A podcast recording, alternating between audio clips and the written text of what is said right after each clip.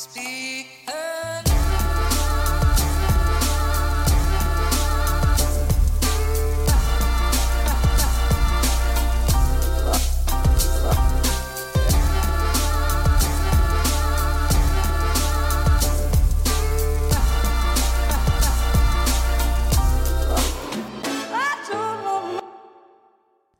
Hallo, og velkommen til Klagemuren. Det er onsdag den 29. september, vil si at vi er straks på tur over i oktober. Fredag er 1. oktober, Uh, og det vil si at det er veldig kort tid til uh, advent. Uh, til at du, Skal du begynne å stresse med julegaver, så er det nå. Nå! Bare få det gjort. Bli ferdig med det. Og så kan du også sende ut en melding og si at det blir minimalistisk jul. Det er ingen av dere jævla smålige kuksugere som blir å få noe fra oss. Så ikke kjøp oss noe skitt, for vi blir ikke å gjengjelde den tjenesten med å gi dere masse greier som dere ikke har bruk for. Fordi at et hus kan faktisk på ekte få for mye Tupperware eller lysestaker, eller det kan bli litt Altså, det kan bli for mange USB-penner i den håndka der. Det kan bli for mange forskjellige sokker i samlinga. Det er mye mer vanlig i dag. Det er mye mer mindre sett ned på å kjøpe seg én type sokker eh, for et helt år. Sånn som jeg prøvde å gjøre. Hvor jeg kjøper en type sokker som jeg syntes var digg, så kjøper jeg kun de, og så heiver jeg alle de andre sokkene. Men så begynte jeg å innse at sokker var jo en del av antrekket, og av en eller annen grunn så har jeg de senere år brydd meg mer om hva jeg har på meg. Men ja. eh, straks jul. Tenk nå på det. 1. oktober, nå, fredag, gjør jeg showet mitt, Skamløs, på Bådin bryggerier i Bodø. Det gleder jeg meg som faen til. Det skal filmes, hvis jeg bare får kontakt med han fyren som skal filme. han svarer ikke på meldinger. Har vært veldig Veldig unnvikende siste dagene. Så jeg stressa for det. Stressa for egentlig alt. Jeg, jeg kjenner virkelig absolutt hele det her arrangementet kjenner på nervene mine. Så, så det jobbes med det. Eh, på lørdag så har jeg også nerver, for da skal jeg til Fauske med Skamløs på Fauske kino. Uh, og det er solgt altfor lite billetter. Det er solgt såpass lite at vi er i diskusjoner hvorvidt vi skal fremføre Altså, vi, vi, det diskuteres om, om vi skal gjennomføre arrangementet eller ikke. Og da det er en veldig sånn Det er en uhyre kjip situasjon å være i. En jævlig kjip situasjon å være i, fordi at det er ikke sånn at jeg vil eh, Jeg, jeg har ikke lyst til å risikere å ikke få gjort Fauske. Jeg har gjort mange show på Fauske, og jeg har kosa meg bestandig. Kosa meg gløgg i hjel på Fauske.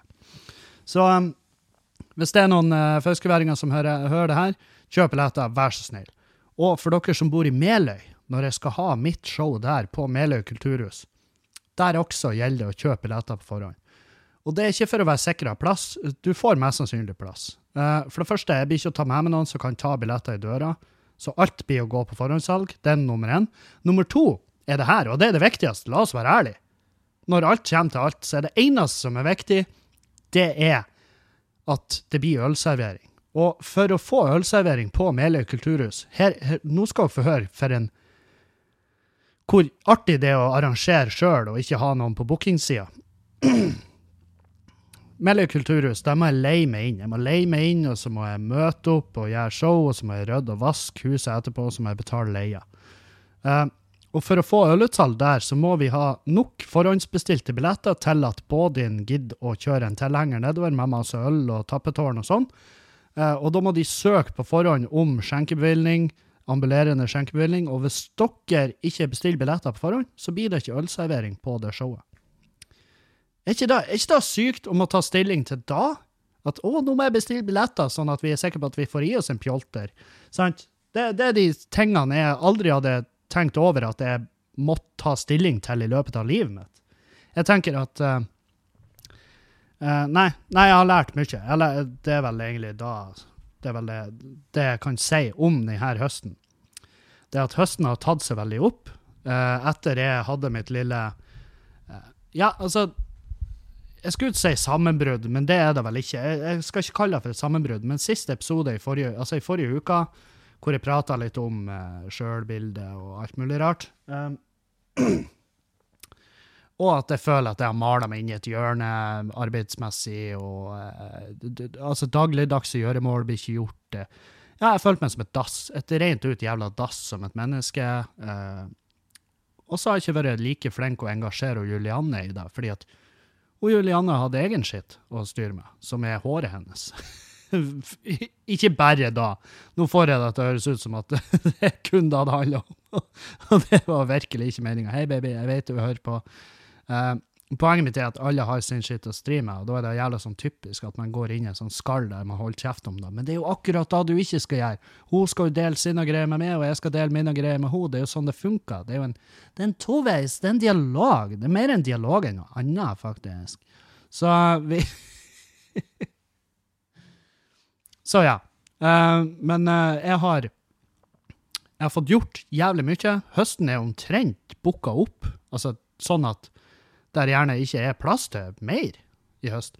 Så eh, det blir eh, eh, det, ja, det begynner å fylles opp. Jeg har fått masse julebordsforespørsler, som er litt spesielt, for det har jeg ikke vært vant til å få tidligere, mens i år har det kommet inn masse. Og jeg har sagt nei til flere, for dette her er en sånn, ja, det her er en gig som jeg ikke har lyst til å gjøre. Ikke sant? Men hei, vil du komme og eh, vil komme og si noen ord til de nye, til de nye arkivarene hos oss på DNB Eiendomssenteret? Nei takk, det blir nei. Eh, Det lunsjmøtet der kan ikke jeg opptre på, fordi at eh, Fordi, fordi jeg vil ikke. Derfor. Um, um, det artige er jo barndomsvenner, altså folk som jeg har vokst opp i lag med, som jeg ikke har hørt ifra på 15 år. ikke sant? Og så jobber de i et firma nå, de har jo kommet seg videre i livet og, og gjort eh, kanskje glupere og mer stabile og eh, i lengden mer bærekraftige valg enn meg og lever et bra liv. Så kontakta de meg og så bare sånn Hei, du, vi jobber i et firma her, og vi driver på og jeg vet faen, designer noe greier, eller vi oppdrar barna dine, eller vi tømmer søpla di. Det er ikke nøye. Um, men de ringer meg opp, og vi har ikke prata på 15 år, og så vet jeg umiddelbart at eh, de har sittet og diskutert på kontoret, hva skal vi ha slags julebordsunderholdning, og så sier de jeg, jeg, jeg kjenner han Kevin, jeg gikk skolen med han for 15 år siden, så de bare What? Holy fuck, for en gullgruve du er. Ja, jeg vet. Så kontakta de meg. Jeg bare, Hei, hva du skal ha for å opptre på denne jobben der? Og så sier jeg en sum. Og så sier de å ja. OK, ja. Ja, nei, det var ikke helt det vi hadde sett for oss. Nei. Ja, så du slår ikke av for en uh, kjenning? Og da er det sånn Nei, det gjør jeg ikke. Uh, fordi at La oss være ærlige, vi kjenner ikke hverandre. Vi hengte i lag for 15 år siden, men hva faen har du gjort siden sist? Altså, det folket hører så lite ifra at hele familien deres kunne ha vært drept i et bestialsk kartelldrap, og jeg hadde ikke visst det. da. Jeg hadde mest sannsynlig lest om saken og alt det her, og tenkt uff, det er horrible greier. Og så finner jeg ut etterpå at ah, det skjedde jo med han fyren jeg gikk i klasse med på engelskskolen. Hvordan visste ikke jeg da? Jo, fordi at du har ikke kontakt med de, Kevin. Du har ikke kontakt med den fyren. Men ja, det blir eh, Det blir faen jeg, Altså, jeg kjenner det. Nervene, skuldrene er jævlig høye, nakken er beinhard. Og det er jo på grunn av at jeg jo Jeg har jo billettsalget sjøl. Jeg, jeg tar bookinga sjøl, jeg tar alle risikoen sjøl. Alt av husleie. Alt det her er min risiko. Eh, Så går det til helvete, så går det til helvete. Men foreløpig så selger det veldig bra. Det ser bra ut i høst. Det eneste er at selvfølgelig hjemme på hjemmebane, der går det veldig rolig med salget. Det er synd, det er trist, men det overrasker ikke i det hele tatt. Det jeg vet, er at jeg skal gjøre det showet i Meløy uansett faen. Kommer det 50 stykk, ja, da får jeg opptre for 50 stykk. Og så forhåpentligvis kommer det mer neste gang. Men, hvis, men her er greia.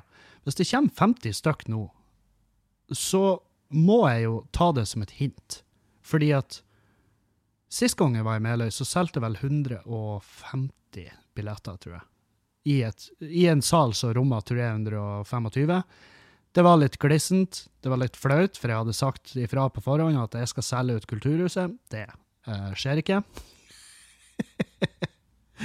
Og det er fordi at uh, folk har ikke tid. Altså I Meløy så er det sånn ja, Nei, jeg har noe annet å gjøre. Og det, det, det er liksom Det er mye lettere å bare De har vel prioriteringene på en litt annen plass. Og, og all ære, fordi at hva enn, hva enn du velger å bruke tida di på annet enn å komme og se på showet mitt, det skal veldig godt gjøres at jeg greier å argumentere for at showet mitt er viktigere enn akkurat den tingen. Sant? Det eneste som irriterer meg, det er når folk er sånn Nei, vi skal på hytta den helga. Ja, men hytta, er ikke den, er ikke den er ikke det en stasjonær bygning? Vil ikke den være der i Forhåpentligvis gjennom vær og vind og alle årstider, uansett faen når du drar opp dit, så vil du til syvende og sist finne hytta di. Så hvorfor må det være denne helga? De der tankene streifer meg jo, men hvis de sier jeg må inn og ta cellegift, så er jeg sånn OK, ja, hvis den ikke kan utsettes, så ser jeg den. Nei, det, det er så jævla Det er nerve. Å sette opp show hjemme. Det er utrolig nervepirrende. Eh, Det er sånn eh, Og veldig mange tror at det er det vi digger best. Altså det Å, det må jo være så artig å dra hjem og opptre. Nei, er du fette gæren? Det, det er jo der det, det, er jo, det er jo virkelig det som er ildprøven. Det er jo å spille, altså gjøre et show hjemme i en kommune med alle du vokste opp i lag med. Det er jo akkurat Det, det sitter jævlig langt inne. Det er tungt. Uh, du får et mye mer ærlig publikum. Du vet at salen også har et visst antall folk som er der fordi at de har lyst til å se det feil. Uh, for den Ja, altså Er det noen som unner noen fra heimbygda nå? Veldig få. Sjøl om, hvis jeg hadde bodd i Meløy ennå, og en eller annen utbryter fra min årsgruppe hadde flytta ut og begynt å gjøre standup og gjøre det fast, så hadde jeg mest sannsynlig kjøpt billett uansett. For jeg har tenkt ja, det interesserer meg, det er gøy. Men du skal jo ikke kjøpe billetter til noe du ikke interesserer deg for. Nei, det, det Det er jo det her eh, å bli profet i egen hjemby og alt det her. Og vi har prøvd det tidligere, og vi har blitt skuffa tidligere, vi har blitt glad tidligere. Misforstå meg rett, det siste showet jeg hadde, når jeg hadde drittliv på Meløy kulturhus, det var dritbra. Det var fett god stemning og alt det der. Jeg skulle bare ønske det var mer folk der. Um, men samtidig, hvis jeg ikke greier å trekke folk ut av husene sine, er det ikke da kun min feil? Det er kun min Altså, jeg har et produkt jeg prøver å selge. Og hvis ingen har lyst til å benytte seg av det produktet, så er det jo min feil. Da er det produktet mitt som må bli bedre. Eller så må jeg sette prisen ned til fucking Nille-priser. ikke sant? Ja, tikronersmarked på Kevin sine billetter denne uka. Skynd dere å kjøpe. Sant? Men Og ja, om, om det kommer mindre folk på det her showet i Meløy enn det siste showet, ja, det òg. Da, eh, da har jeg gjort noe feil. Da har ikke jeg vært Da har ikke holdt meg aktuell nok. Jeg, ikke, jeg har ikke gjort nok for Meløy og alt. ikke sant? Det er tusen ting. Så jeg kommer til å gjøre det uansett, og jeg kommer til å gå derifra med en eller annen lærdom. Jeg vet bare ikke helt hva ennå. Men jeg håper at det blir i hvert fall solgt nok til at vi kan ta med oss både inn, og sånn at vi kan drikke øl og kose oss på det her showet. Er dere ikke enige? Jo, dere er enige. Alle er enige. Jeg hater Jeg fant ut i dag jeg hater rosiner. Som er Altså, det er bare OK, her. Nå, like før jeg gikk på lufta, så uh, Så laga jeg meg skål med yoghurt og musli. Og eh, den muslien vi har fra Aksa. uh, hei, Aksa, hvis du hører på. Fuck off. Det er med de jævla rosinene. Jeg skjønner ikke hvorfor rosiner er med i noe som helst eh, fra før av. Rosiner skal selges som et ekstraprodukt, og ikke være i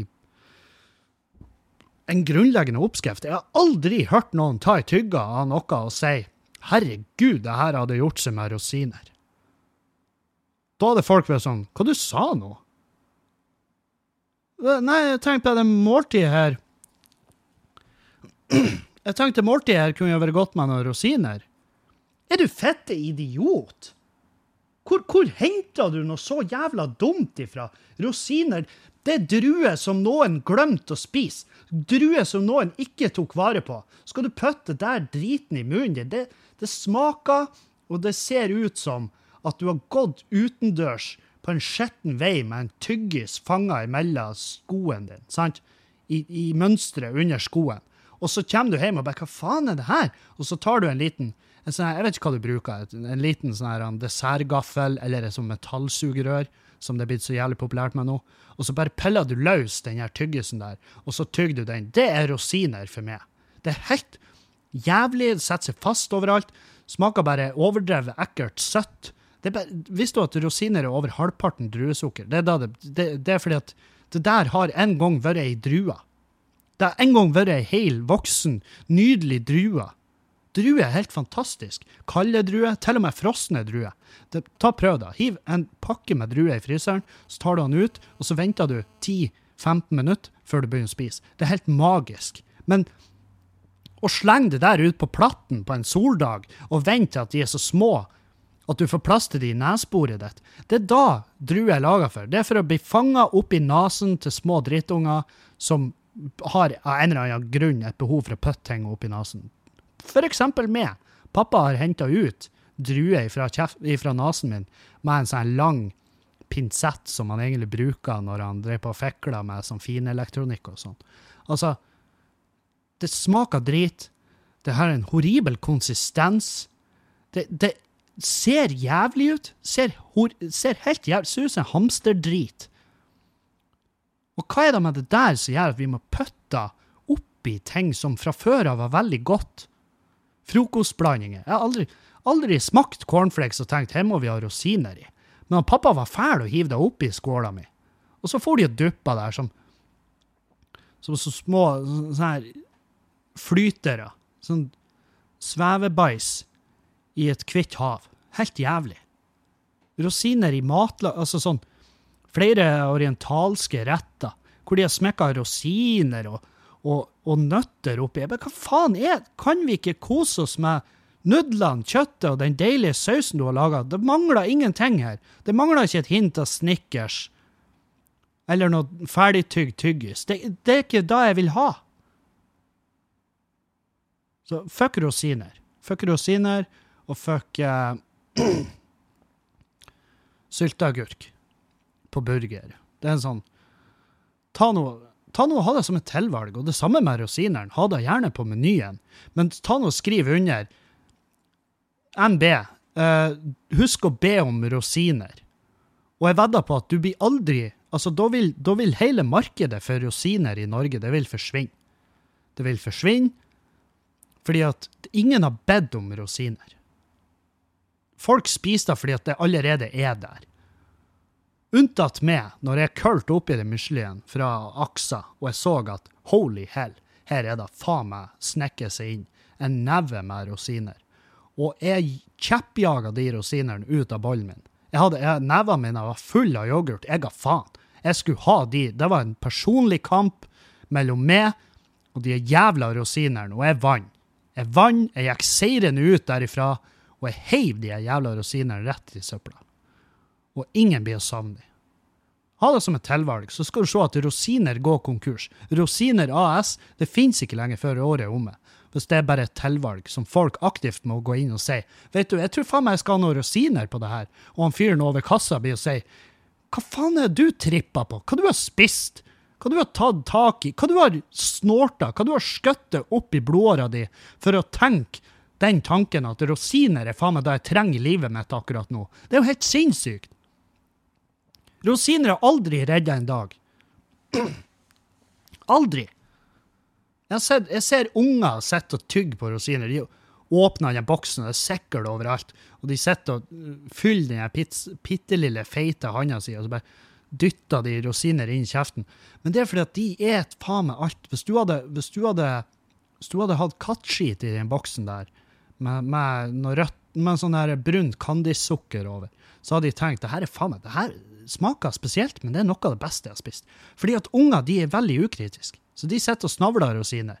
Og ja, jeg møter på en og annen voksen mann eller kvinne som eter rosiner i det daglige, men jeg møter jo Hva da bevis? Det beviser ingenting. Jeg møter jo av og til en voksen mann eller kvinne som uh, urinerer på kjæresten sin når de kjeder seg, eller at de, uh, eller at de har sittet inne for skattesvindel eller uh, for å ha kjørt i fylla og truffet et tre utenfor en barnehage. Det, det, ingen, det har ingenting å si. Bare slutt å ha rosiner med grunnleggende oppskrifter. For jeg har aldri spist noe og tenkt at det her uten rosiner hadde faen ikke vært det samme. Helvete. For en ekkel, ekkel ting. Tørka drit. Tørka, tørka frukt. Glemt frukt. Dadler òg. Samme driten. Dadler er rosin, overvektige rosiner. Jeg vil ikke ha det. Hold deg unna. Um, hvorfor kommer podkasten ut på onsdag og ikke på tirsdag? Jo, nå skal dere høre. I går morges så står vi opp, uh, og, og Julianne har jo endra arbeidet sånn at hun jobber fra fire til 11. Altså 16.00 til 23.00 på tirsdager. Um, og det er kult, for da, da har vi litt sånn, da har vi litt spillerom mandag kveld. og ja, Det er mange grunner til at det er en, det er en fin greie. Um, men Så, vi var hjemme hele dagen i går, og vi jobba masse hjemme og gjorde masse arbeid. Og så for vi bortover til Tomax og Mona og spiste frokost. Det var kjempetrivelig. Um, og var der og kosa med hundene. Og de har en sånn liten eh, eng, noe, finsk lapphund eh, et, Jeg husker ikke. Svensk spisshund. En hund med pels. Og um, en voksen trollgammel, en sånn tolv år gammel eh, hund, og så en bitte liten tass. Eh, begge er tispe. Og den lille tassen er jo selvfølgelig helt i hundre, og gamle, hun gamle er bitter og sur fordi at den lille, lille kuken får for mye oppmerksomhet. Eh, Det typiske. Kjempetrivelig, så kos, veldig god mat, spist av sko og mett. Og så, mens vi satt spist der, så fikk jeg en tekstmelding. Eller jeg fikk ikke en tekstmelding, jeg fikk ei si- eh, ei melding inn på Skubare-sida. Og der sto det fra en hyggelig dame at så kunne hun fortelle meg at hun jobber i barnehage, og det må jo noen gjøre. Og dermed så går hun jo ofte tur med de ungene, og det hadde hun gjort i dag. Og da har hun gått gjennom den gata utenfor puben vår, Skubare, og så skrev hun en melding da og sa at der var det så mye glassbrøtt at uh, det var livsfarlig for ungene å være der. Så det måtte vi bare fikse. Og min umiddelbare reaksjon etter noe sånt er jo at det er ikke vår feil. Det er ikke Altså, det er ikke, det er ikke våre gjester. Fordi at jeg har stått i vinduet utfor. Altså, mens jeg har vært på Skubaret, så ser jeg ut på de her jævla eh, Altså, de her drittungene. Nå snakker vi fra 12 år og opp til Nei, fra 10 og opp til 14, kanskje. 15. De her de drar og skater og holder helvete utfor, og det er greit. Altså, Unger må henge i lag, og de må sosialisere, og det er dritbra. Bra de har funnet en greie. Problemet er bare at de har nå funnet en greie hvor de skal knuse alt av flasker de finner. Så de har leita i søppelbokser og knust flasker utover gata der. Uh, og jeg, da var det en kveld jeg, jeg storma ut mens de holdt, holdt på ute der. Jeg storma ut, og jeg tok de fordi at de hadde knust flasker. Og, og jeg så at de sto og pilla på bilskiltet til pizzabakeren, som er rett på sida av Skubaret. Så jeg gikk ut og begynte å hyle på de. Og han ene der, han var altså så fitte redd. Men mens jeg står og kjefter på han, så kommer det en annen drittunge gående. Og han har tatt hele det svære skjeltet som henger utafor Panda. Panda Fast Food. Han har tatt hele pandaskjeltet. Så han kom bare gående rundt hjørnet, og da ser jo jeg rett på han. Og han bare 'Å, dæven'. Og jeg sto, og jeg hadde jo tak i han ene, og så sa jeg dere skal bare holde dere her, for politiet er på vei. Og det var jo ren jævla løgn, for jeg har ikke ringt politiet. Men jeg burde jo gjort det, i retrospekt. For da kunne i hvert fall de ha tørka, og da kunne de ha kosta opp det jævla glassbrøtet. For det var da jeg gjorde i går. Jeg for bortover på skubba, jeg hadde med meg hengeren. Den måtte jeg først kjøre og tømme. Som var henger full av søppel og noe hageavfall. Hummer og kanari. Det var alltid fra bildekk til, til potteplanter som ikke greide seg gjennom denne sesongen, fordi at jeg og Julianne klarer ikke å holde liv i det eneste jævla vegetabilsk vekst. Så jeg kjørte først med da, dumpa det på Vikan, som er vår søppeltømmerplass, så kjører jeg bortover til Mørkved, der vi har puben vår, stiller meg utfor der. Og jeg går i gata der med storkost og kost og støvbrett, og så bare rasker jeg i hopen alt jeg finner av glassbrød, og ja, jeg er helt enig, det var en del. Uh, men det er ikke fra vår pub. At det kan være våre gjester fra tid til annen som har knust flasker utafor før de kommer inn på puben, ja, absolutt. Det er, å si at det er umulig, vil være løgn. Eh, men det er i hvert fall ikke glass ifra oss, det er ikke glass ifra puben, fordi at vi har ikke muligheten for at folk skal kunne forlate puben med glass. De får ikke med seg glass. Det er imot skjenkeloven. Så det er ikke fra oss. Men det, er, det kan godt hende at det er folk. Og så er det også at puben vår ligger i hovedfartsåra i Mørkved. På Mørkved, sorry. Eh, ligger på hoved, hovedfartsåra der. Og, Og det vil si at folk som skal på butikker, eller på Felini, eller på Jokeren, eller opp på Samfunnet og fest der, og folk som skal bare forbi, de går gjerne der. Så det er hovedfartsåra. Det vil ikke si at det er vår feil. Men, men, når det er sagt, det gjorde meg ingenting å gjøre det arbeidet, for gata ble veldig mye finere. Jeg tok også et gjeves tak og klippet den hekken som er utforskubba, og fjerna mose og gress fra å overta bygget. Så jeg har gjort masse bra arbeid. Masse bra arbeid. Veldig fornøyd. Uh, men da når jeg kom hjem, så var klokka halv ni på kvelden. Og da var jeg ganske knust. Da var det ikke mer igjen. Så det siste som, eh, det siste som kunne ha falt meg inn, var å sette meg og prate inn i mikrofonen, fordi at da hadde dere fått en sånn type da hadde dere fått en sånn type episode at dere har blitt eh, litt bekymra, eller at dere har blitt fette lei og bare vært sånn «Vet du hva, Fuck han der jævla Kevin. Fuck han fyren. Um, så ja. Men for ei gjenåpning. Helvete, folkens. Um, hvor skal vi begynne? Uh, jeg var Jeg reiste på, på fredag så reiste jeg nedover til Kristiansand. Nydelige Kristiansand, midt i bibelbeltet. Å, opptrer du der? Det er jo bare kristne folk Nei, det er ikke det. Jeg kan fortelle en ting, og det er at de folkene jeg har hengt med der, de er ikke kristne. De, eh, de har ingenting til overs for eh, den uh, overtrua. Eh, så, eh, så det er, det er bare sånn Hva det heter Stereotyp. Stereotypi, rett og slett. At, eh, at de er så forbanna kristne. Det er klart, antallet kristne i Norge er vel høyere der per innbygger, det kan godt hende, men da, jeg tror det bare står sterkere blant de som er ganske gamle. At det er mindre agnostikere der, eller noe sånt. Fordi at eh, jeg tror ikke det var en jævla kristen person på det showet mitt. Men, men alle kosa seg, det var jævlig god stemning. Og, og det var digg, eh, for vi for liksom ut etterpå. Men jeg drakk ikke noe særlig. Jeg hadde ikke i meg. Og jeg hadde egentlig ikke lyst til å være dårlig dagen etter. Jeg hadde mange grunner til å ikke drikke. Så jeg for på hotellet ganske tidlig, og så var det tidlig opp å ta flyet. Fordi på lørdag så var det jo Leknes som sto for tur. Og jeg har jo vært livredd for salget på Leknes, fordi at det har latt vente på seg. Men eh, ganske aggressiv markedsføring i slutten der, og i tillegg til at det ble varsla gjenåpning klokka fire på lørdag, som var helt fuckings fantastisk. Herregud. Uh, det kom masse folk. Uh, vi var på meieri, kultur, uh, altså meierikvartalet, kulturhus. Litt sånn rulla ikke akkurat på tunga.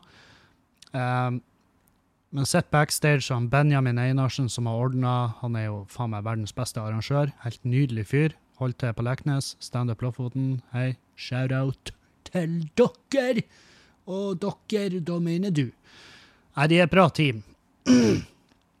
Han Benjamin har fått seg et uh, gjeng med hjelpere som er bare helt fantastisk. Og jeg elsker å være på, å opptre på Leknes. Og Leknes er veldig spesielt for meg, fordi at jeg har hatt veldig mange gigger der. Han Benjamin så meg tidlig i karrieren. Han så meg veldig tidlig i karrieren og tok meg oppover, og siden da så har jeg vært der fast. Jeg, han ble tatt med dit gang på gang på gang fordi at han Benjamin har trua på det. Og det har vært en stor del av min utvikling som komiker. Bare det å ha den følelsen i nakken at det er noen der ute som har virkelig trua på det du gjør, det gjør det mye enklere for meg å jobbe videre med det jeg holder på med. Um, og spesielt når det er på arrangørsida, og folk som kan hjelpe deg plasser. Og jeg sier ikke at publikum er uviktig, for uten publikum så har jo Hvem har jeg vært da? Da har jeg vært en fyr som har vært innlagt fordi at jeg har stått og prata med meg sjøl, fortalt vitsene på togstasjonen og plager folk som egentlig bare vil reise hjem og spise kjøttkaker i brunsaus i lag med de de er mest glad i. Og de de er mest glad i, det er ikke meg. sant? Så han Benjamin har gjort utrolig mye for meg, og det har Leknes òg. Jeg har vokst opp der i form av Altså i den grad Jeg har vokst opp som komiker, og det har jeg gjort på Leknes. Um, jeg har gjort Et av de mest horrible showene jeg noensinne har gjort, ble gjort i regi av Standup Lofoten. Da var, husker jeg vi var på Skjærbrygga eh, på Stamsund. Og det er faen meg på ekte det jævligste jeg har vært med på. Og nå skal dere få høre. Uh, nå var jo det her riktignok på Arnt Finesse-tida, så jeg hadde jo solgt masse billetter til en type folk som ikke nødvendigvis burde være på show. Uh, og det showet var så fullt av dritings folk. Satt og kauka og prata. Eh, Benjamin gikk på før meg og varma opp i gåseøyne, og så Og så eh, kommer jeg på, og jeg skjønner at det her, det blir ikke, det blir ikke Walk in the Park, den type show, altså. Det, folk satt og summa og prata. Det var som å Altså, det var som, eh, det var som å høre klasserom like etter sommerferien, før læreren kommer inn. Sant? Så Og så var ikke jeg i form heller, og det var jo Arnt Finesse-humor, så det vil si at hvis publikum ikke er med fra start, så vil de ikke komme inn midtveis pga. humoren.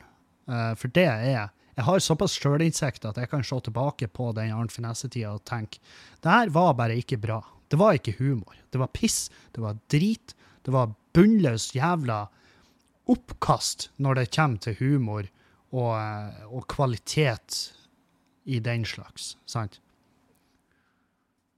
Men det showet var så, sykt jævlig horribelt. Jeg husker det var ei Bertha der som var så fette plagsom, og jeg, jeg, og jeg gjorde virkelig alt jeg kunne for å få henne til å holde kjeft. Det sklei fullstendig ut. Det endte med at jeg, jeg tror jeg sto ut sånn cirka tida, men jeg stakk derifra. Jeg bare kom backstage, og så husker jeg så på han Benjamin, så jeg få meg ut herifra. Og han var helt enig at eh, det var det beste å gjøre, så vi stakk derifra. Og da skulle jeg opptre etterpå på et sånt guttejulebord, som han Benjamin var, var en del av. Og da for jeg dit, og så roasta jeg alle deltakerne på det julebordet. De syntes det var dritartig. Det var en jævlig fin firmagig som jeg fikk gjøre etter det her showet.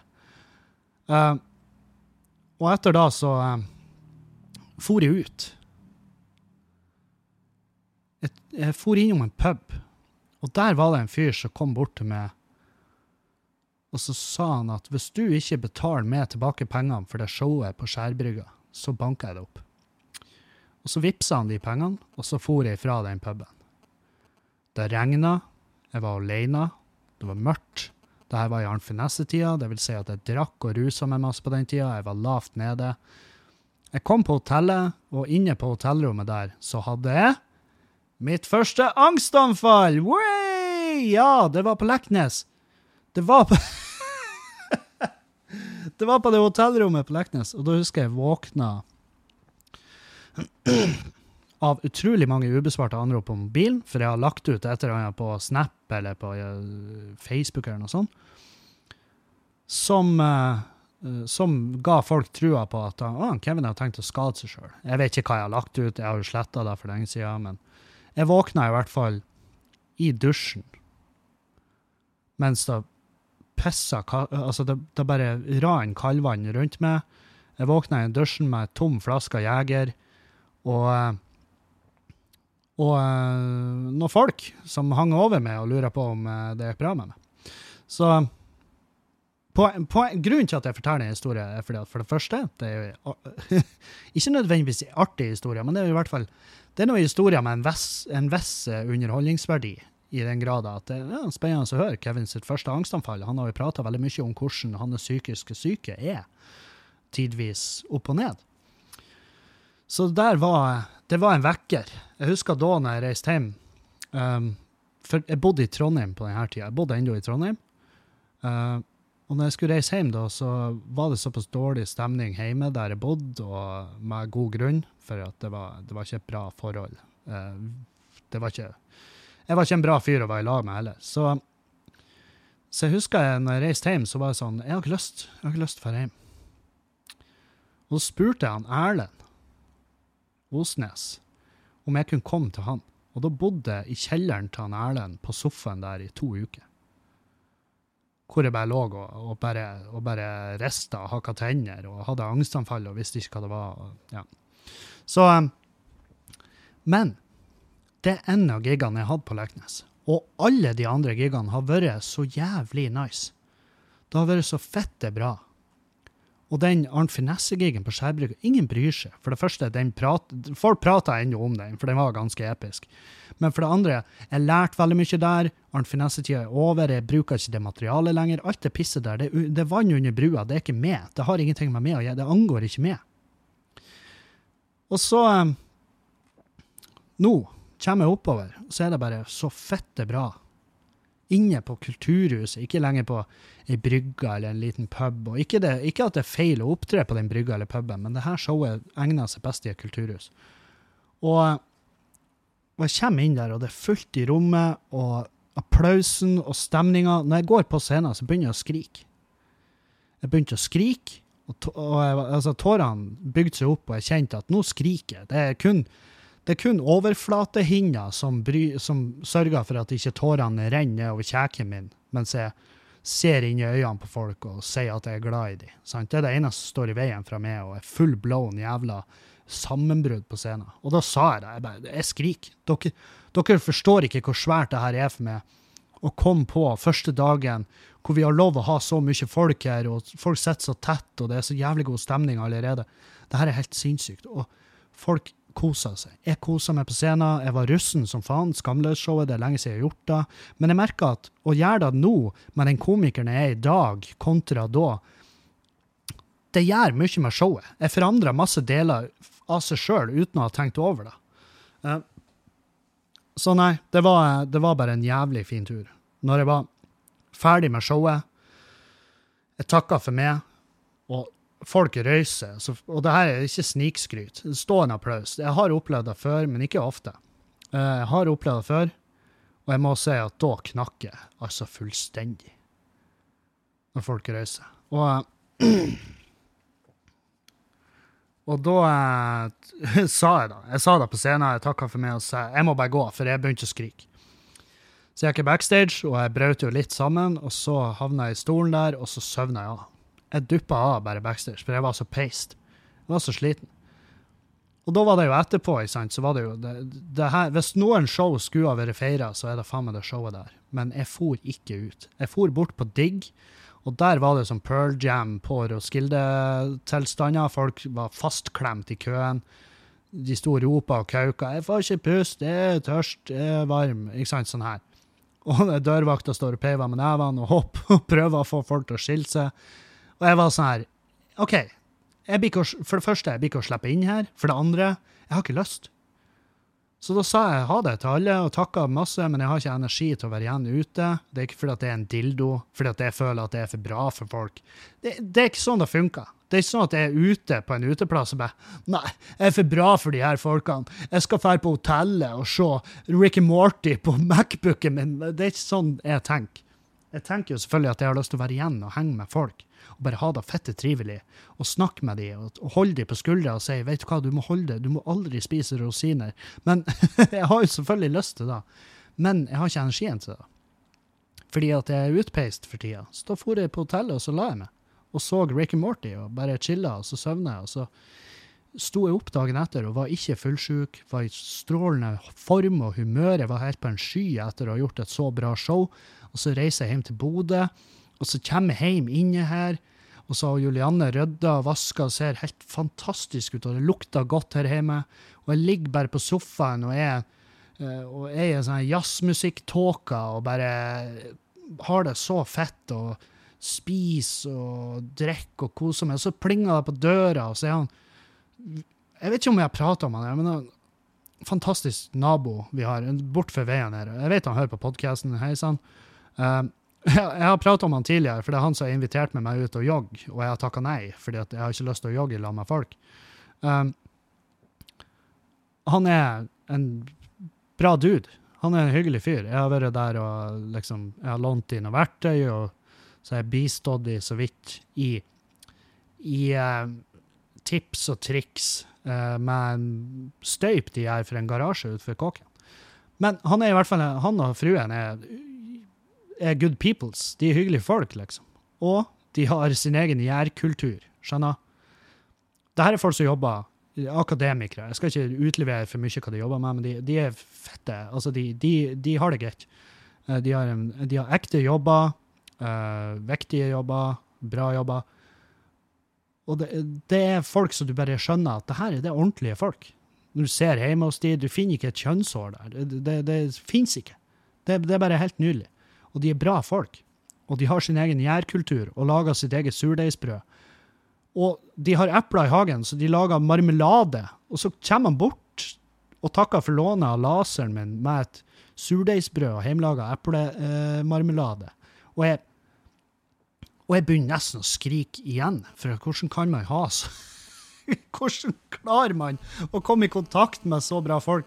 For det er så her Altså Hjemme hos oss så er det så det er blanding av inneslutta luft og weed, og, og det lukter datasvette oppe på rommet til Dan. sant? Så er det, sånn her, det er så utrolig hvor forskjellige folk er, og hvor, hvor artig det er. For han, han, han, her naboen han er bare en kul dude som er hyggelig å, å prate med og være sammen med. Så skal vi, de skal vi invitere på vin en kveld, eh, kanskje, eller at vi drar bort til de. Og nei, det er ikke noen vi har tenkt å prøve å ligge med. Jeg prata om det i dag i Verna bedrift, uh, som er den podkasten Dan har i lag. Men det er jo veldig mange som har spurt spørsmålet, at, og jeg skjønner at det er jo ganske naturlig at det spørsmålet har kommet opp. Det er rett og slett fordi at vi har jo liksom gjort en avissak. Jeg og Juliane har gjort en avissak på at vi er, at vi er inkluderende i forholdet vårt, og at vi ja, av og til har sex med andre folk. Og da er det jo selvfølgelig det er veldig naturlig for folk å lure på ja, er han Dan som bor der, da? Eh, og nei, vi har aldri rørt han Dan. Vi har aldri hatt Det har aldri vært et diskusjonstema. Det har aldri vært oppe til vurdering. Det har aldri vært, det har aldri vært foreslått. Det har vært vitsa med, fordi at det er veldig artig. Eh, fordi at for oss så står det veldig unaturlig at vi skulle ha noensinne hadde noe slimhinnekontakt der. Så eh, det blir et nei. Og eh, det er det offentlige nei-et. Det er artig at Og jeg sa jo til han dagen at vi skulle, vi skulle spille inn bare en pressekonferanse hvor vi liksom han Tomax redigerer, og det ser ut som at vi er på et sånn her typisk ny, nyhetsrom. Og bare Ja, vi, vi har samla dere her i dag for å få for å få avklart en misforståelse som er ute der. Og det er rett og slett det at vi har aldri, vi har aldri og kommer aldri til å ligge med han dagen. Uh, fordi han nekta. Fordi vi har gitt opp. Nei, vi har ikke prøvd. Uh, nei, så um, Så det føles uh, Det føles bra. Det føles bra. Men vi må ha den sjalusipraten igjen. Fordi at uh, fått noen meldinger fra noen følgere, og hun ene skriver at typen hennes uh, tracka mobilen hennes, sant? For å finne ut hvor hun er til hver tid. Og så prata jeg med han fyren oppe i hvor det var i Tromsø, hvor han fortalte at uh, han ringte hjem for å sjekke at kjerringa var hjemme.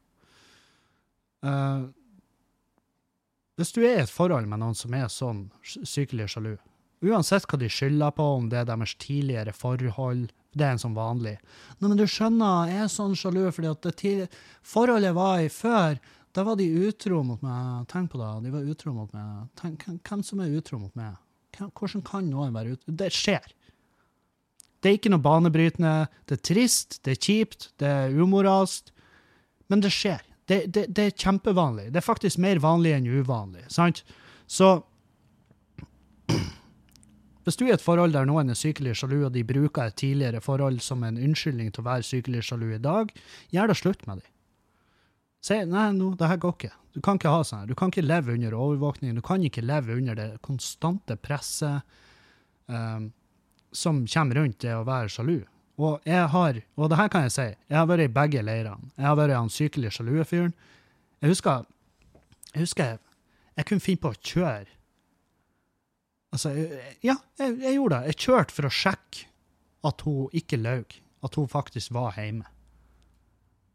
Skjønner? Og det her er ikke meg og Julianne, det er lenge, lenge siden. Men jeg husker jeg gjorde det, og jeg husker jeg følte meg så fette skitten når jeg var satt i en bil.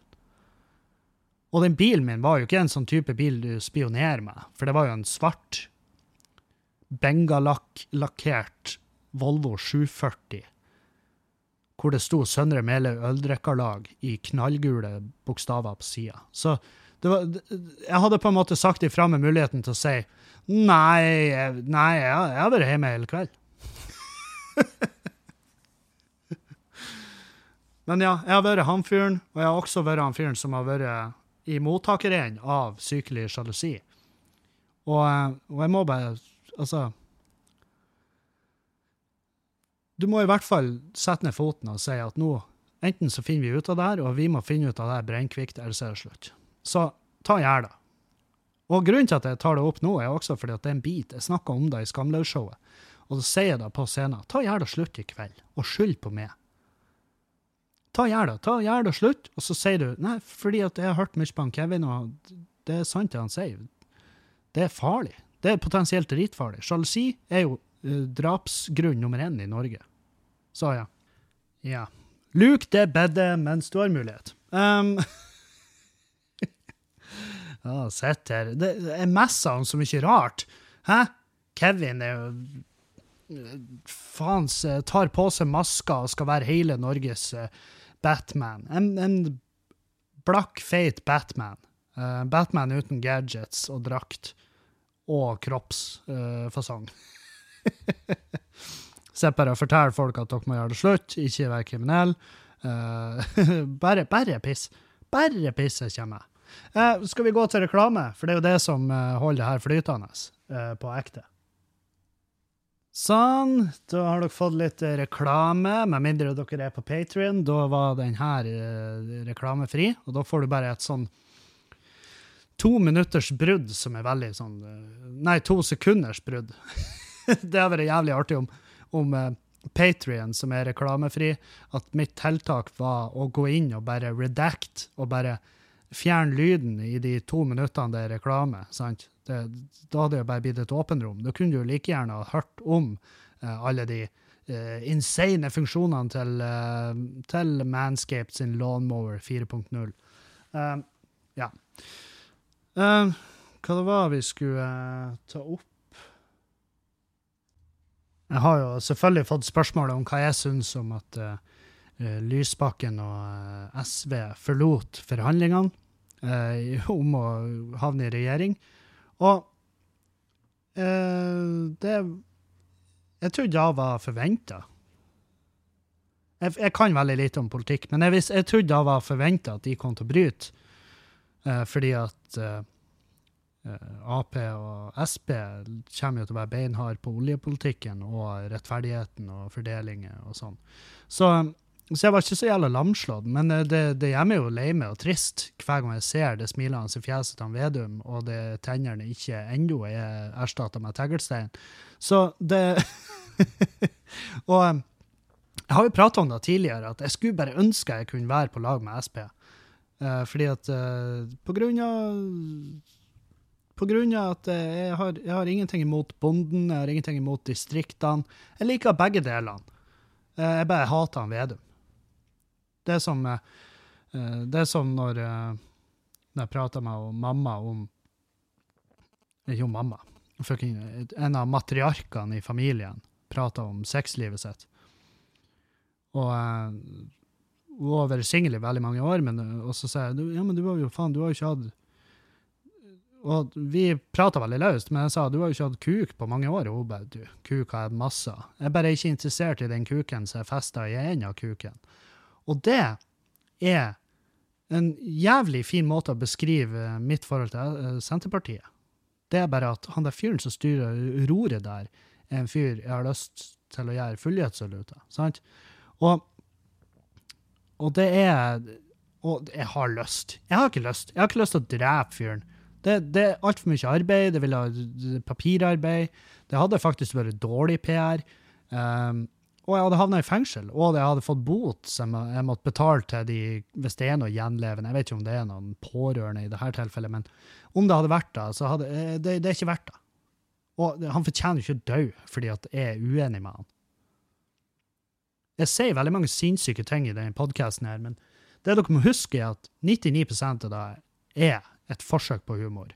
Uh, og vi kan jo krangle om hvor mange prosent som faktisk går gjennom og fungerer som humor. Det er ikke like mye. Det, det burde vært mer.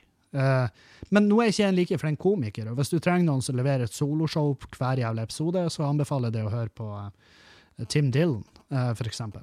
Der har du en helt psyko, psyko fyr med en helt sinnssyk underholdningsverdi og en komiker av rang. Og han kan si ganske sinnssyke ting uten å havne i trøbbel. Jeg skulle ønske jeg levde For jeg føler at Og det blir jo bare verre og verre. Jeg blir jo oftere og oftere oppringt av media. Jeg får jo oftere og oftere meldinger fra lyttere som ikke er fornøyd med ting jeg har sagt.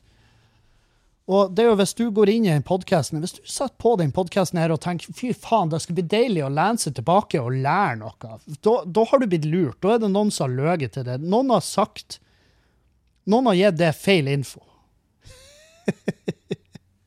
noen har gitt det fullstendig feil info. Det, det, det er det eneste jeg kan si. Fordi at du blir, du blir mest sannsynlig ikke å lære noe her. Hvis du lærer noe i podkasten min, så burde du ta egentlig da som et enda verre Det, det er tegn. Det er tegn på at noen feiler. Kanskje du har ja, Kanskje du har krav på noe penger Etterbetalte penger fordi at uh, skoler du gikk på, har neglisjert det. Fordi at jeg må være en av de minst glupe personene jeg kjenner. Alle, alle mine forhold til andre mennesker er basert på at jeg spør dem om info. Hei, du, vet du hva det her er? Ja, det, Kevin, det der er en gaffel. Um, så jeg bare, jeg bare er ikke en belest fyr.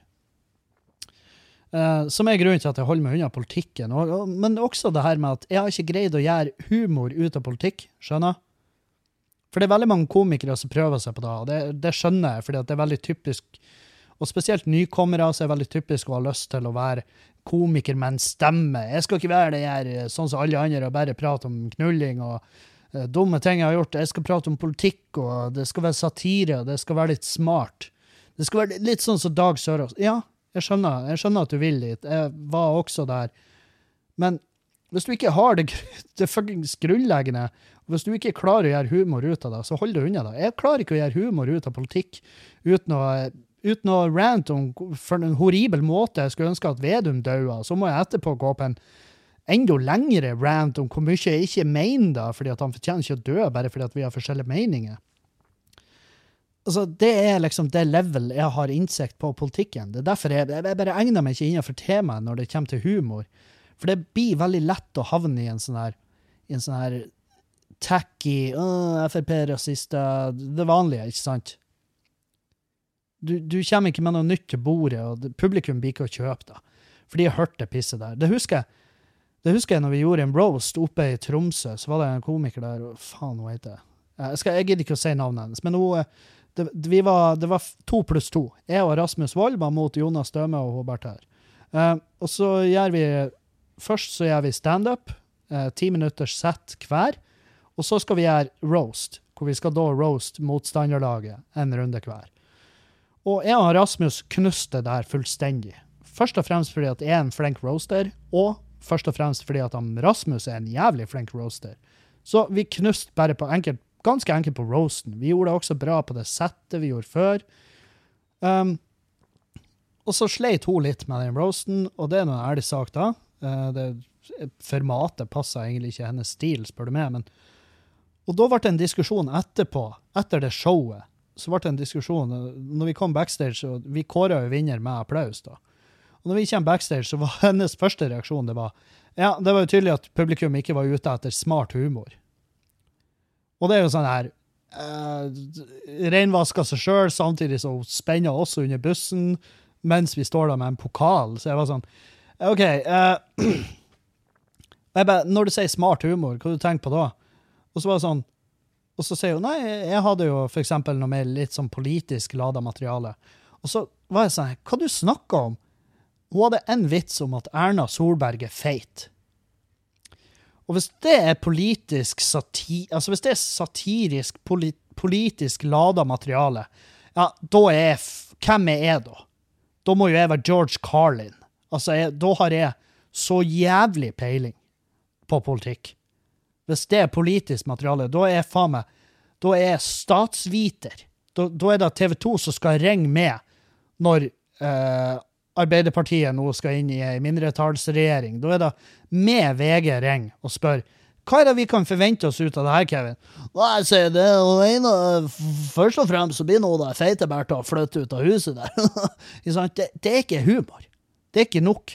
Og det kan umulig, og det er ikke noe katta ut av sekken-stemning at hun Erna er overvektig. Jeg tror Erna òg er skrekkelig klar over at hun er overvektig. Jeg tror ikke det kommer sånn jeg tror ikke det kommer så jula, julaften på kjerringa, eller hva faen ordtaket er. Det, det er ingen som blir overraska, og det er ingen som blir underholdt, og det er ingen som tar det som Det, det er ikke humor nok. Skjønner? Det er ikke bra nok til at folk gidder å trekke på smilebåndene. For hver muskel du strammer, så brenner du en viss mengde energi. Og den energien må du så ta inn via næring igjen, i form av mat eller sportsdrikke eller hva nå enn. Og det er ikke verdt det, å trekke på smilebåndet til en så jævla elendig, dårlig greie. Og, for det koster faktisk penger.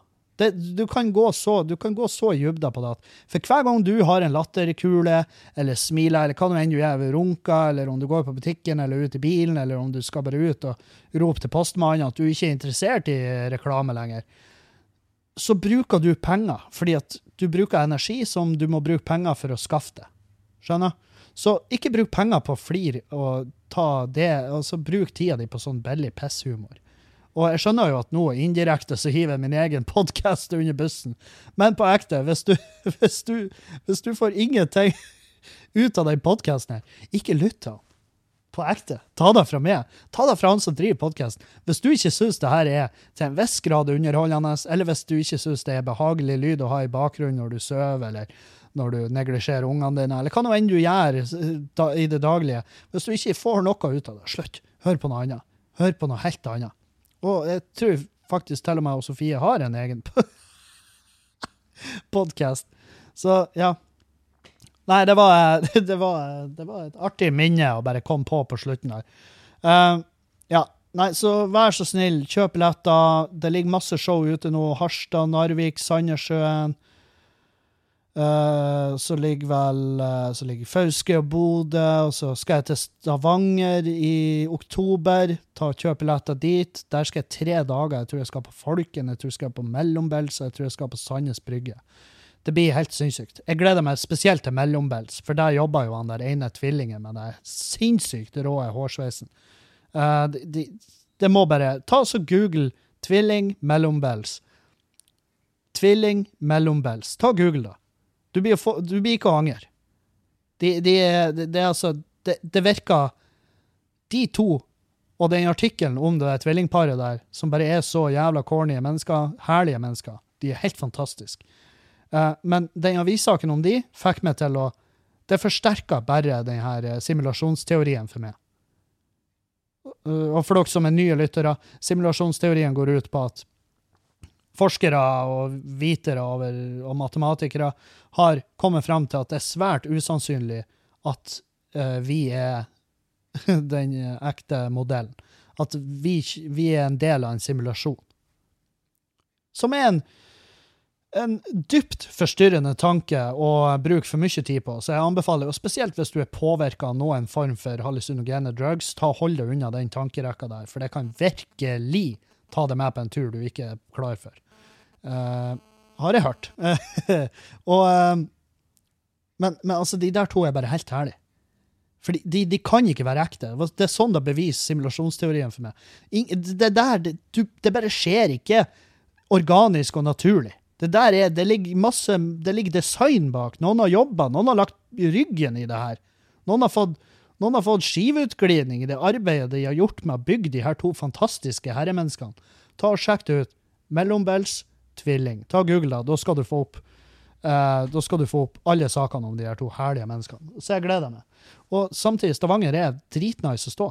Og det er egentlig hele Norge. Jeg, jeg, jeg tror hvis jeg skulle ha hvis jeg skulle funnet en plass jeg ikke, virkelig ikke har lyst til å stå, og eh, ikke kommer til å stå igjen, så må det være Reine. Reine i Lofoten. Der det ble så jævlig mye halloi etterpå at jeg gå Jeg fikk en melding hvor jeg måtte gå inn i podkasten min og klippe ut det jeg sa om den giggen jeg gjorde i Reine i Lofoten. Uh, det jeg sa om den gigen, det måtte gå inn og klippe ut, ellers så skulle kjerringa lage halloi i lokal, altså i avisa. Og jeg var sånn her Vet du, det er greit. Det gjør meg ingenting å slette alle spor om at jeg har vært ute på den forbanna plassen din. Og det, det, og det her er og det kan jeg også nevne, at uh, jeg blir sikkert å gå gjennom karrieren hvor jeg til slutt drar tilbake til det rene. Eh, og det var, det var en type gig der bare ingen hadde lyst til å eh, egentlig se standup. Jeg husker jeg hadde han Tord Rune Kvikstad med meg, og han varma opp. Og etter fem minutter så snudde han seg mens han sto på scenen. Så snudde han seg og så på meg, og så sa han inn i mikrofonen Kevin, kan jeg være så snill å gå av nå? Og jeg sa ja, gjør det, sånn at jeg kan gå på, og så bare blir vi ferdig med det her. For la oss være ærlige, ingen vil jo være her. Det er ingen som vil høre på oss. Å, den gigen der, det var faen, det er så legendarisk hvor jævlig det var. Jeg husker jeg sa Jeg var så fette dritings, sant? Og så drar vi derfra, for med en gang jeg var ferdig på scenen, så var jeg sånn her Vet du, fuck det her, vi stikker. Og så bare shotta jeg drikka mi, og så eh, og så var jeg sånn her, bestilte taxi, du må komme nå, nå, umiddelbart. Og så kommer det en taxi, og så bare ryr det på med andre folk i taxien vår. Så jeg bare, dere, det her er vår taxi, dere må fuck off. Og så han taxisjåføren bare, nei, nei, de skal samme veien, så de sitter på her. Jeg sier, men faen, jeg har, lyst, jeg har ikke lyst til å være sammen med masse andre folk. Og så begynte de å kauke, og han kauka, og jeg var sånn, ja, greit, vi kjører. Og så kjørte vi, og det tok jo ikke lange tida før jeg var i full jævla krangel med det gjenget som hadde hoppa om bord i taxien. Fordi at de hadde jo lyst til å fortelle meg for et jævla forferdelig show det her var. Og jeg hadde lyst til å fortelle de for et jævla forferdelig show jeg syns det var. Og, så vi var jo faktisk enige. Jeg skjønner ikke hvorfor vi krangla.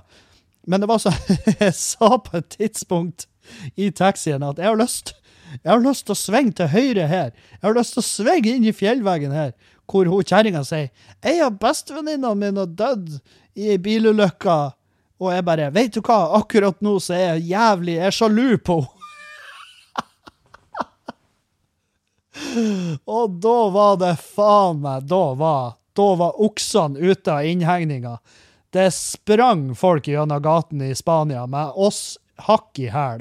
Det var så djevelsk. Det var så betent stemning i den taxien der at når han parkerte, så åpna han ikke døren. Han bare klatra opp, og så kølte han penicillin ned i takluka til han har fylt taxien opp til rand. For så jævlig betent var den stemninga på den bilturen der.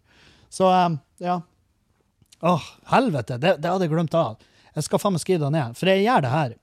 Nå skal dere høre. Jeg, et, jeg, skriver ned jeg har et sånt dokument på Mac-en min hvor jeg skriver ned sånne sinnssyke historier fra veien og ting jeg opplever og sånn, som da til syvende og sist, når jeg blir 50, 60, 70, 80, 90 år gammel, hva nå enn slags alder jeg blir å nå før jeg tenker at OK, nå må jeg fortelle historiene mine før livet er over. og jeg, jeg har en fæl anelse om at jeg blir å vite litt på forhånd når jeg skal dø. Så uh, Men når den tid kommer, så skal jeg, så skal jeg mest sannsynlig ikke skrive den sjøl, fordi at hvis jeg skal ha en biografi eller en historiesamling fra veien, så burde ikke jeg skrive det. Fordi at jeg ikke er akademiker. Jeg kan ikke norsk. Jeg har, opplevd, jeg har innsett at tegnsetting, det er ikke for meg. Jeg har et svært Jeg har et så psyko uh, liberalt forhold til bruk av utropstegn. Det er faen meg hver setning. Uh, punktum og komma det, det Altså, punktum kommer ganske naturlig for meg. Men eh, komma Jeg kan bruke 15 komma i setning. Fordi at når jeg bygger opp en setning eh, som jeg skriver ned, så, så, skriver jeg den ned som om jeg skulle ha fortalt den. Og når jeg er fortalt, så går jeg gjerne ut på sånne lange setninger som ikke har noe naturlige stopp. Sant? Så, og, og ikke noe naturlige komma heller, for jeg har lyst til å jeg vil jo ha ut en viss mengde info, og den vil jeg ha ut på kortest mulig tid. Og det gjør jeg jo akkurat sånn som jeg gjør nå, når jeg sitter og prater veldig fort i mikrofonen. Sånn skriver jeg. Og det, det blir jævlig slitsomt, sant? Så de historiene mine de skal jo fortelles før eller siden, men det må være med noen som har litt peiling på å skrive. Så, eh, men hvem skulle det ha vært? Hvem skulle det ha vært? Jeg tenker at uh, den jeg skulle ønske jeg kunne spille med i en film, har jo vært han uh, Bjørn Sundquist. Uh, han tror jeg kunne ha depikta hvor bitter. Men hvis, da må vi forhåndslage min For han, uh, Bjørn Sundquist han, jeg tror ikke han er her om 40 år. Det, det skulle ha overraska meg på et sånt nivå at dere kan ikke forstå det. Uh, ja, nå eh, får vi besøk, så da skal jeg legge på, eller eh, rett og slett avslutte dagens uh, podkast. Tusen takk for følget. Takk til alle som eh, går inn på Patrion og subscriber der. Der ligger det videoer, det ligger ekstra podcaster i Verna bedrift. Alle videoene fra live-podcaster med meg, Dan og Erlend ligger ute der. Eh, det ligger masse ekstramateriale, så join på Patrion, og da slipper du også reklame, og så bidrar du. Du bidrar så masse til oss at du aner ikke. Det betyr virkelig alt. Så tusen takk til mine patrions, og takk til dere som kjøper billetter til show. Fauske, Bodø, Meløy, Stavanger, eh, Harstad, Narvik. Eh, det ligger masse show på Facebook-sida mi. Gå inn og sjekk. Bestill billetter på forhånd. Det betyr så jævlig mye. For det gir meg nattesøvn. Det gir meg nattesøvn. Hvis folk er inne og bestiller billetter på forhånd, så sover jeg bedre. Fordi at da slipper jeg å bekymre meg for hvorvidt et arrangement egentlig blir noe av, eller om det går bra, om jeg går i tap eller i pluss. Tusen hjertelig takk. Vi høres igjen. Adjø!